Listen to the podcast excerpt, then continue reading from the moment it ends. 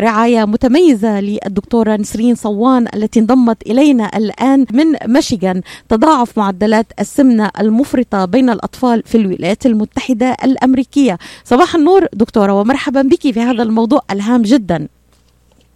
صباح الفل والورد والياسمين. كيفك؟ أنا أول شيء دكتورة بقول لك كل عام وأنت بخير. نحن كلنا عم نشتغل واليوم عيد العمال.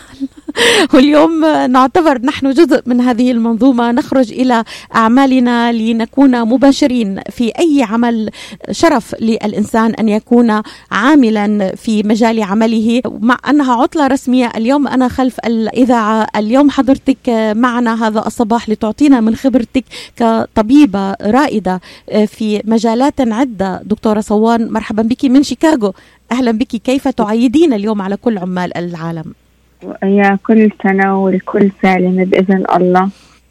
وانت بألف خير دكتورة. دكتورة يعني واصلت معدلات البدانه المفرطة بين الأطفال الأمريكيين ارتفاعها آه، حيث كشفت إحدى الدراسات الطبية تضاعف هذه المعدلات بصورة غير مسبوقة في الولايات المتحدة على مدى الأعوام العشرين عاما الماضية.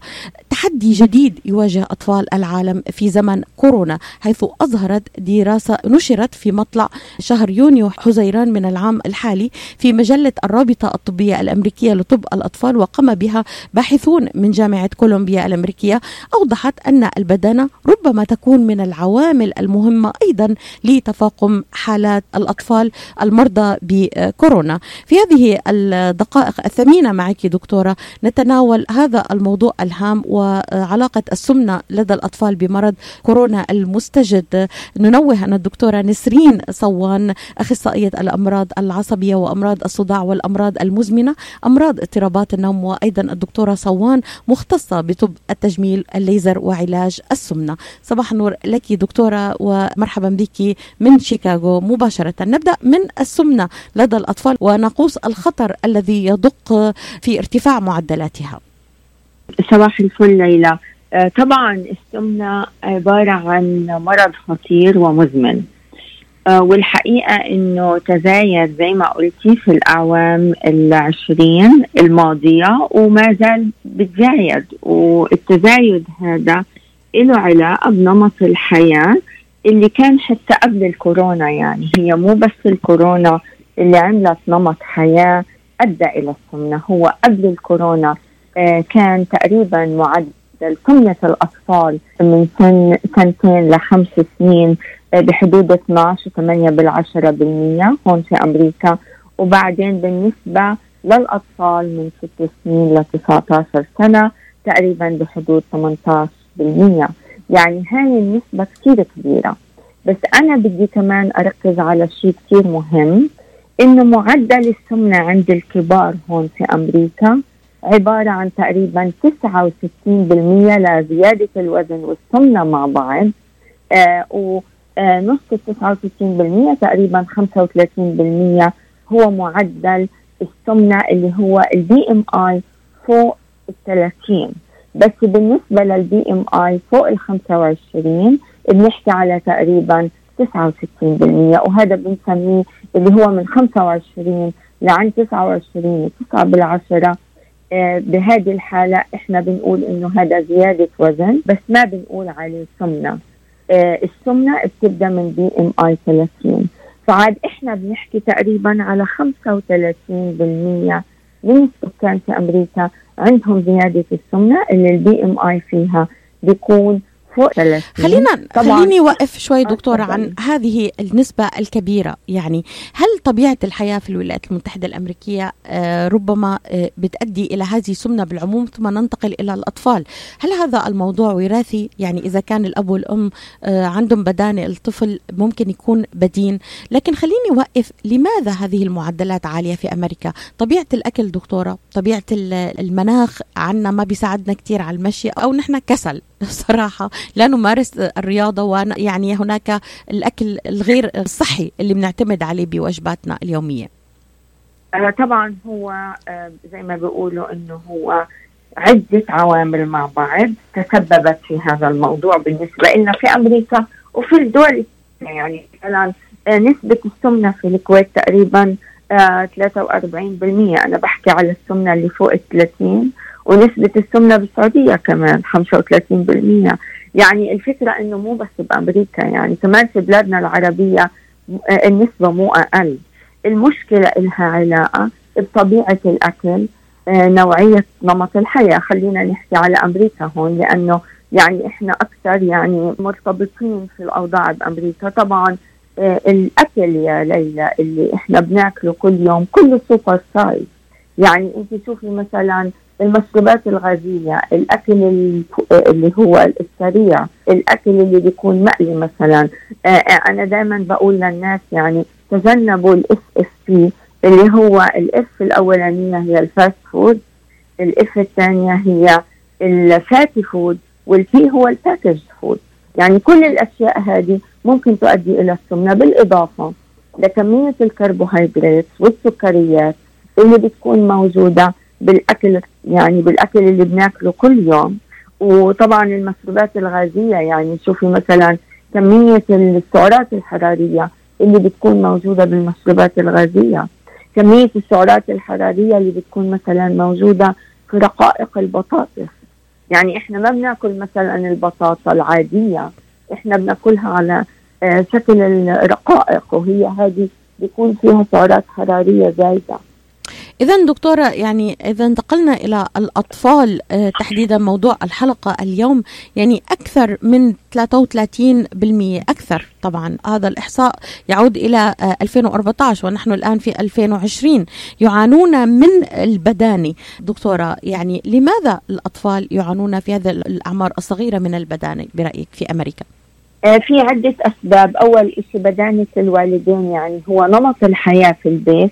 ما أنا عشان هيك بقول إنه لما إحنا نشوف قديش نسبة السمنة عند الكبار حنقدر نعرف إنه ليش نسبة السمنة كبيرة عند الأطفال كمان.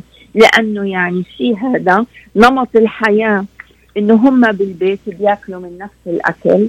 آه مثلا آه بيكونوا طول الوقت قاعدين قدام الشاشات آه ما بيكون في مثلا نشاط رياضي أو ما بيكون في نشاط بدني. بيكونوا بيتناولوا الكثير من السكاكر والكربوهيدرات والسعرات الحرارية.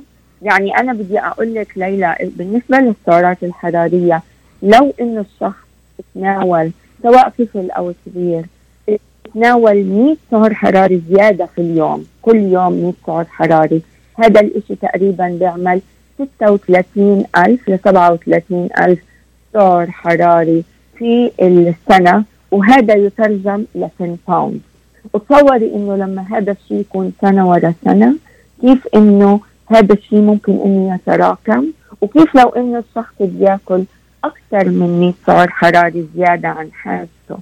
فعاد يعني تصوري إنه قديش إنه ممكن إنه السمنة يعني ممكن إنها تحدث وتتراكم. يعني بيكون الإشي إنه مو إنه مثلا آه، يعني ليوم واحد بضل موضوع السمنة يتراكم على مدى الأيام. وبكون زي ما قلت لك إنه هو عبارة عن يعني آه عدة عوامل تتداخل مع بعض. آه قلة ممارسة الرياضة طبعا.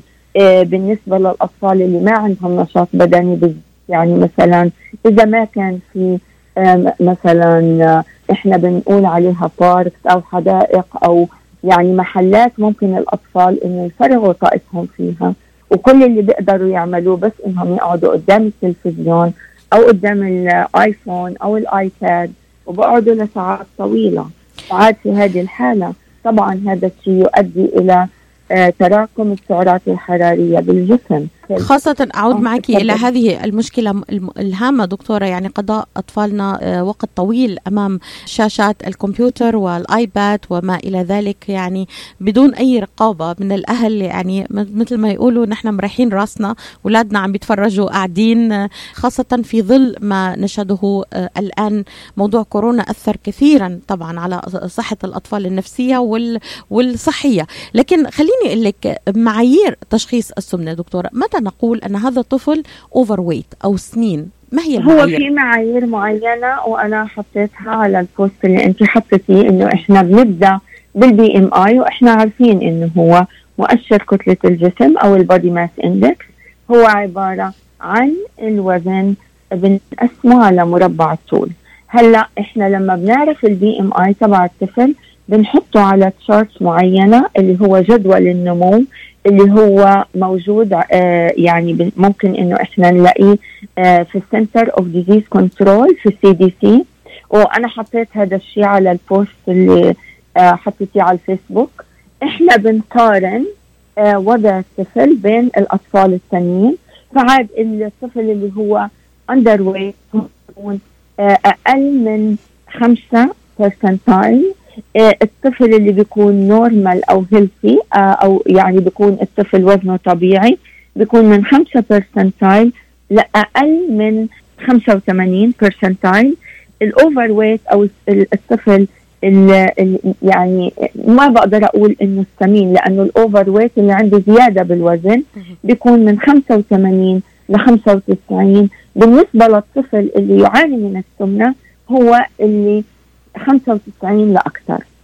فعاد يعني طبعا هذه الأشياء طبيب الأطفال بمنتهى البساطة ممكن إنه هو يقول لل... للأهل إنه وين الطفل تبعهم يعني موجود بالنسبة للأطفال الثانيين وكمان يعني ممكن الأهالي نفسهم إنه هلأ عن طريق جوجل ممكن إنهم هم يعرفوا هالشيء بالضبط إنه في يعني مواقع خصوصية ممكن إنه إحنا نعرف منها ال BMI وال percentile للطفل ببساطة مثل ما قلتي دكتورة يعني هناك متابعة للأهل مع الطبيب وممكن يعرفوا ببساطة إذا ابنهم overweight أو يميل إلى السمنة وكيف يمكن أن يجنبوه ذلك. لكن إذا لخصنا اليوم آه، حتى نستفيد من الدقائق المتبقية دكتورة أسباب السمنة. إذا عددناها بالنسبة للطفل واحد اثنين ثلاثة لمستمعينا لخصناها ببساطة شديدة. ما هي أسباب السمنة؟ هي أسباب السمنة طبعا. تناول الأطعمة ذات السعرات الحرارية العالية بانتظام مثلا زي الأطعمة السريعة السلع المخبوزة الوجبات اللي هي بنقول عليها سناكس آه كل سناك ممكن إنه يكون فيها سعرات حرارية كثير عالية يعني المقبلات بالإضافة طبعا المشروبات السكرية المشروبات الغازية حتى عصائر الفاكهة. يعني في كثير من الناس باتوا أولادهم عصير الفواكه اللي بلاقوه مثلا بالمحلات وهذا العصير بيكون كمية السكاكر اللي فيه جدا كبيرة بالإضافة إلى قلة النشاط البدني وممارسة الرياضة. بعدين آه طبعا إذا كانت العائلة نفسها كلها تعاني من السمنة الطفل رح يكون نفس الشيء لأنه بيكون نفس نمط الحياة بالإضافة طبعا للعوامل النفسية. يعني مثلا هلأ إنه إذا كان في مشاكل بالأسرة ممكن انه الطفل يلجا للأكل علشان يهرب من هذه المشاكل بالإضافة للعوامل الاجتماعية والاقتصادية. يعني مثلا في بعض المجتمعات ما في عندهم موارد وبتكون الموارد كثير محدودة. أصلا إنه صعب إنهم يوصلوا للسوبر ماركت وإذا وصلوا للسوبر ماركت ما بيقدروا غير يشتريوا الأكل اللي ما فيه قيمة غذائية. يعني لأنه تذكري أنه البروتينات والخضار كلها غالية. يعني هذه نقطة كثير مهمة. بالإضافة طبعا الناس اللي مواردهم محدودة ما بيكونوا موجودين في مثلا محلات فيها حدائق أو محلات لرياضة وهذا الإشي طبعا بيأثر على الأطفال. المشكلة يا ليلى أنه الطفل الذي يعاني من السمنة ممكن أنه الأطفال الثانيين في المدرسة يبعدوا عنه. وإنه يصير حالته النفسية جدا سيئة. وهذا الشيء كمان يؤدي إلى السمنه يعني هو ما بيكون في عنده آه يعني عوامل اجتماعية بتعمل له سبورت أو بتعمل له دعم. ما بيكون في ممكن يكونوا الأهل أحيانا دكتورة عامل نجرف أيضا سلبي يعني بالتركيز على طبعا. هذه المشكلة. يعني بصراحة أنا مر مريت بهذا الوضع وتعالجته بطريقة خطأ مع أحد أولادي وكان له تأثير نفسي سيء. بالعكس أنا كنت عم بحاول إنه نبه ابني لكن كانت طريقة التنبيه غلط أو بنتي. لكن الآن الآن يعني لما كانوا صغار اذا الأهل أيضا ممكن أن يلعبوا دور سلبي برأيي. إذا ما كان تم توجيه الطفل بطريقة طريقة مناسبة تراقب الآلية التي يتحدث بها الأب أو الأم مع الطفل لازم يكون في آه، طريقة معينة للتحدث معهم لأنه موضوع السمنة للطفل ممكن يكون حساس آه، بشكل كبير. هل ما أقوله دقيق دكتورة؟ طبعا طبعا يا ليلى. طبعا هذا الشيء جدا مهم. يعني أنا بدي أقول لك أحسن طريقة للتحدث مع الطفل إنه مثلا يعني إنه الوالدين يقولوا له إنه يعني إحنا هلأ كلنا مثلا الآن في البيت بدنا إنه نتبع نظام غذائي وبدنا نبدأ نروح على الحدائق ونلعب رياضة كلنا مع بعض. ما بيقولوا له إنه أنت سمين لأنه هذا الشيء ممكن يعقد الطفل أكثر. وبعدين بالإضافة إنه هو مين اللي خلى الطفل سمين من الأصل؟ الطفل من ولد سمين؟ صحيح. يعني الفكرة إنه هو الظروف اللي حوالين الطفل وهو الطفل بيكون يعني جدا بريء وما بيعرف شيء يعني الأهل هم اللي بيعطوا الأطفال الأكل وهم اللي بيفرضوا عليهم نمط الحياة. يعني هذا الشيء جدا مهم. هذه النقطة اللي قلتيها جدا مهمة. إحنا لازم إنه نساعد أطفالنا انه إنه يتخلصوا من زيادة الوزن من الأول وإنهم ما يوصلوا للسمنة. لأنه المضاعفات يا ليلى تاعت السمنة كثيرة يعني ممكن الطفل يصاب بداء السكري ممكن إنه يصاب بمتلازمة الايض اللي فيها أمراض القلب وزيادة الدهون الثلاثية وزيادة الكوليسترول بالإضافة لزيادة ضغط الدم. آه وسمنة البطن الزائدة يعني هو الحقيقة المضاعفات تاعت السمنة يعني جدا يعني جدا كثيرة بالإضافة إنه الطفل السنين بصير في عنده اضطرابات بالنوم وبصير في عنده انقطاع النفسي آه خلال النوم.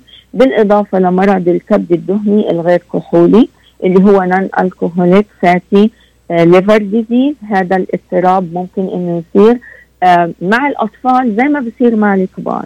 بالإضافة طبعا إنه هو يؤدي إلى ضعف العضلات وكسور العظام ويعني المشكلة كمان ليلى إنه كيف إنه يؤدي إلى ضعف العضلات؟ هلأ الطفل أو حتى الشخص الكبير لما يعني بيقل وزنه عن طريق الحمية الغذائية بيقل وزنه من العضلات ومن الدهن بنفس الوقت. بس لما بيزيد الوزن بيزيد الوزن من الدهن فقط. فعاد هذا الإشي يؤدي إلى ضعف العضلات اللي هي آه، آه، التململ في الوزن أو زيادة ونقص الوزن. فعاد الحقيقة المضاعفات كثيرة يا ليلى يعني ممكن إنه الطفل يعني يعاني علشان هيك إنه إحنا من الأول الوقاية خير من العلاج. دكتورة يعني لدينا أربع دقائق فقط لننهي فقرتنا معك هذا الصباح المهمة جدا في صحة أبنائنا. آه، هل هناك علاقة بالطفل البدين أو الذي آه، يعني آه، يميل إلى السمنة؟ ممكن أن يكون خطر تأثير فيروس كورونا على صحته أكبر؟ آه طبعا هذا الشيء معروف يعني حتى كمان إحنا يعني من من أول ما بدأ الكورونا كثير ركزوا على موضوع الناس اللي ممكن يتأثروا بموضوع الكورونا. أول شيء الناس اللي عندهم ضغط الناس اللي عندهم سكر الناس اللي عندهم ربو اللي هم الأشخاص اللي, عندهم بدانة. فعاد طبعا يعني هذا الشيء بيكون خطر أكثر على الطفل. يعني وبيكون أكثر على يعني الخطر على الكبار والأطفال بنفس الوقت. إحنا بالنسبة لنا ممكن إنه يعني نعرف شو نعمل لأنه إحنا كبار بس بالنسبة للأطفال دائما أنا بقول للأمهات والأباء إنه لازم إنه يتبعوا اللي هو خمسة اثنين واحد عشرة. خمسة خمس أكواب من الخضروات أو الفواكه بالنسبة للطفل باليوم. اثنين أقل من ساعتين قدام التلفزيون أو الكمبيوتر أو الشاشات. ومع الأسف هذا الموضوع ما رح نقدر نعمله والأطفال هلأ عم بتعلموا عن طريق الكمبيوتر وعن طريق الشاشات لأنه أغلبهم ما عم بيروحوا المدارس عشان الكورونا. بس يعني هو بالأحوال العادية المفروض إنه الطفل ما يقعد أكثر من ساعتين آه، قدام الشاشات هذه.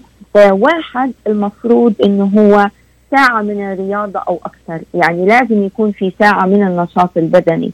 يعني إنه مثلا الطفل يطلع على الحدائق مع أهله إنهم مثلا يمارسوا النشاط البدني مع بعض رياضة المشي رياضة الجري كل الأشياء هذه ممكن إنها تساعد. هلأ شو هو ال zero؟ لأني أنا قلت خمسة اثنين واحد. zero. عجبتني هيدي الصفر. الصفر شو هو؟ شو هو الصفر؟ إنه ما في مشروبات غازية ولا مشروبات سكرية ولا كيكات ولا بسكوتات ولا رقائق البطاطس اللي هي الشيبس هذه المفروض الأشياء ما تدخل البيت. لأنه هي لو دخلت البيت كيف إنه إحنا ندخلها البيت ونلوم الطفل إنه بياكلها؟ بالإضافة في حاجتين مهمين بدي أقولها. لازم نتأكد إنه الطفل إنه بنام كويس. يعني هذه نقطة كويسة. لأنه الحرمان من النوم كمان يؤدي إلى السمنة. هو برضه من أسباب السمنة. وبعدين إذا كان الطفل بياخذ أدوية معينة لازم إنه إحنا نراجع الأدوية هذه مع الطبيب تبعه إنه هل هالأدوية هذه بتسبب السمنة؟ وهل في بديل دوائي آخر ما بسبب السمنة؟ بالإضافة أنه طبعا مراجعة الطبيب علشان الطبيب يتأكد أنه هالطفل ما عنده قصور في الغدة الدرقية ما عنده فرط نشاط في الغدة الكظرية ما عنده أسباب أخرى مرضية تؤدي إلى السمنة. اذا ألخص معك سريعا دكتورة في أقل من نصف دقيقة هذه الوصايا التي أعطيتها التركيز على الخضار والفواكه وممارسة الرياضة آه، الابتعاد تماما عن ال fast food والشيبس والعصائر والسناكس اللي قد تكون مضرة النوم الجيد ومتابعة مع الطبيب هذه هي الوصايا التي أعطتها اليوم الدكتورة نسرين صوان 5 2 1 0 هذه الوصايا الوقاية الهامة للحفاظ على صحة أبنائنا وتجنب علاج السمنة. دكتورة نسرين صوان آه، كان موضوعنا الهام معك لهذا الصباح. تضاعف معدلات السمنة المفرطة بين الأطفال في الولايات المتحدة الأمريكية. أشكرك جزيل الشكر. شكرا ليلى شكرا. تحياتي لك. إلى اللقاء.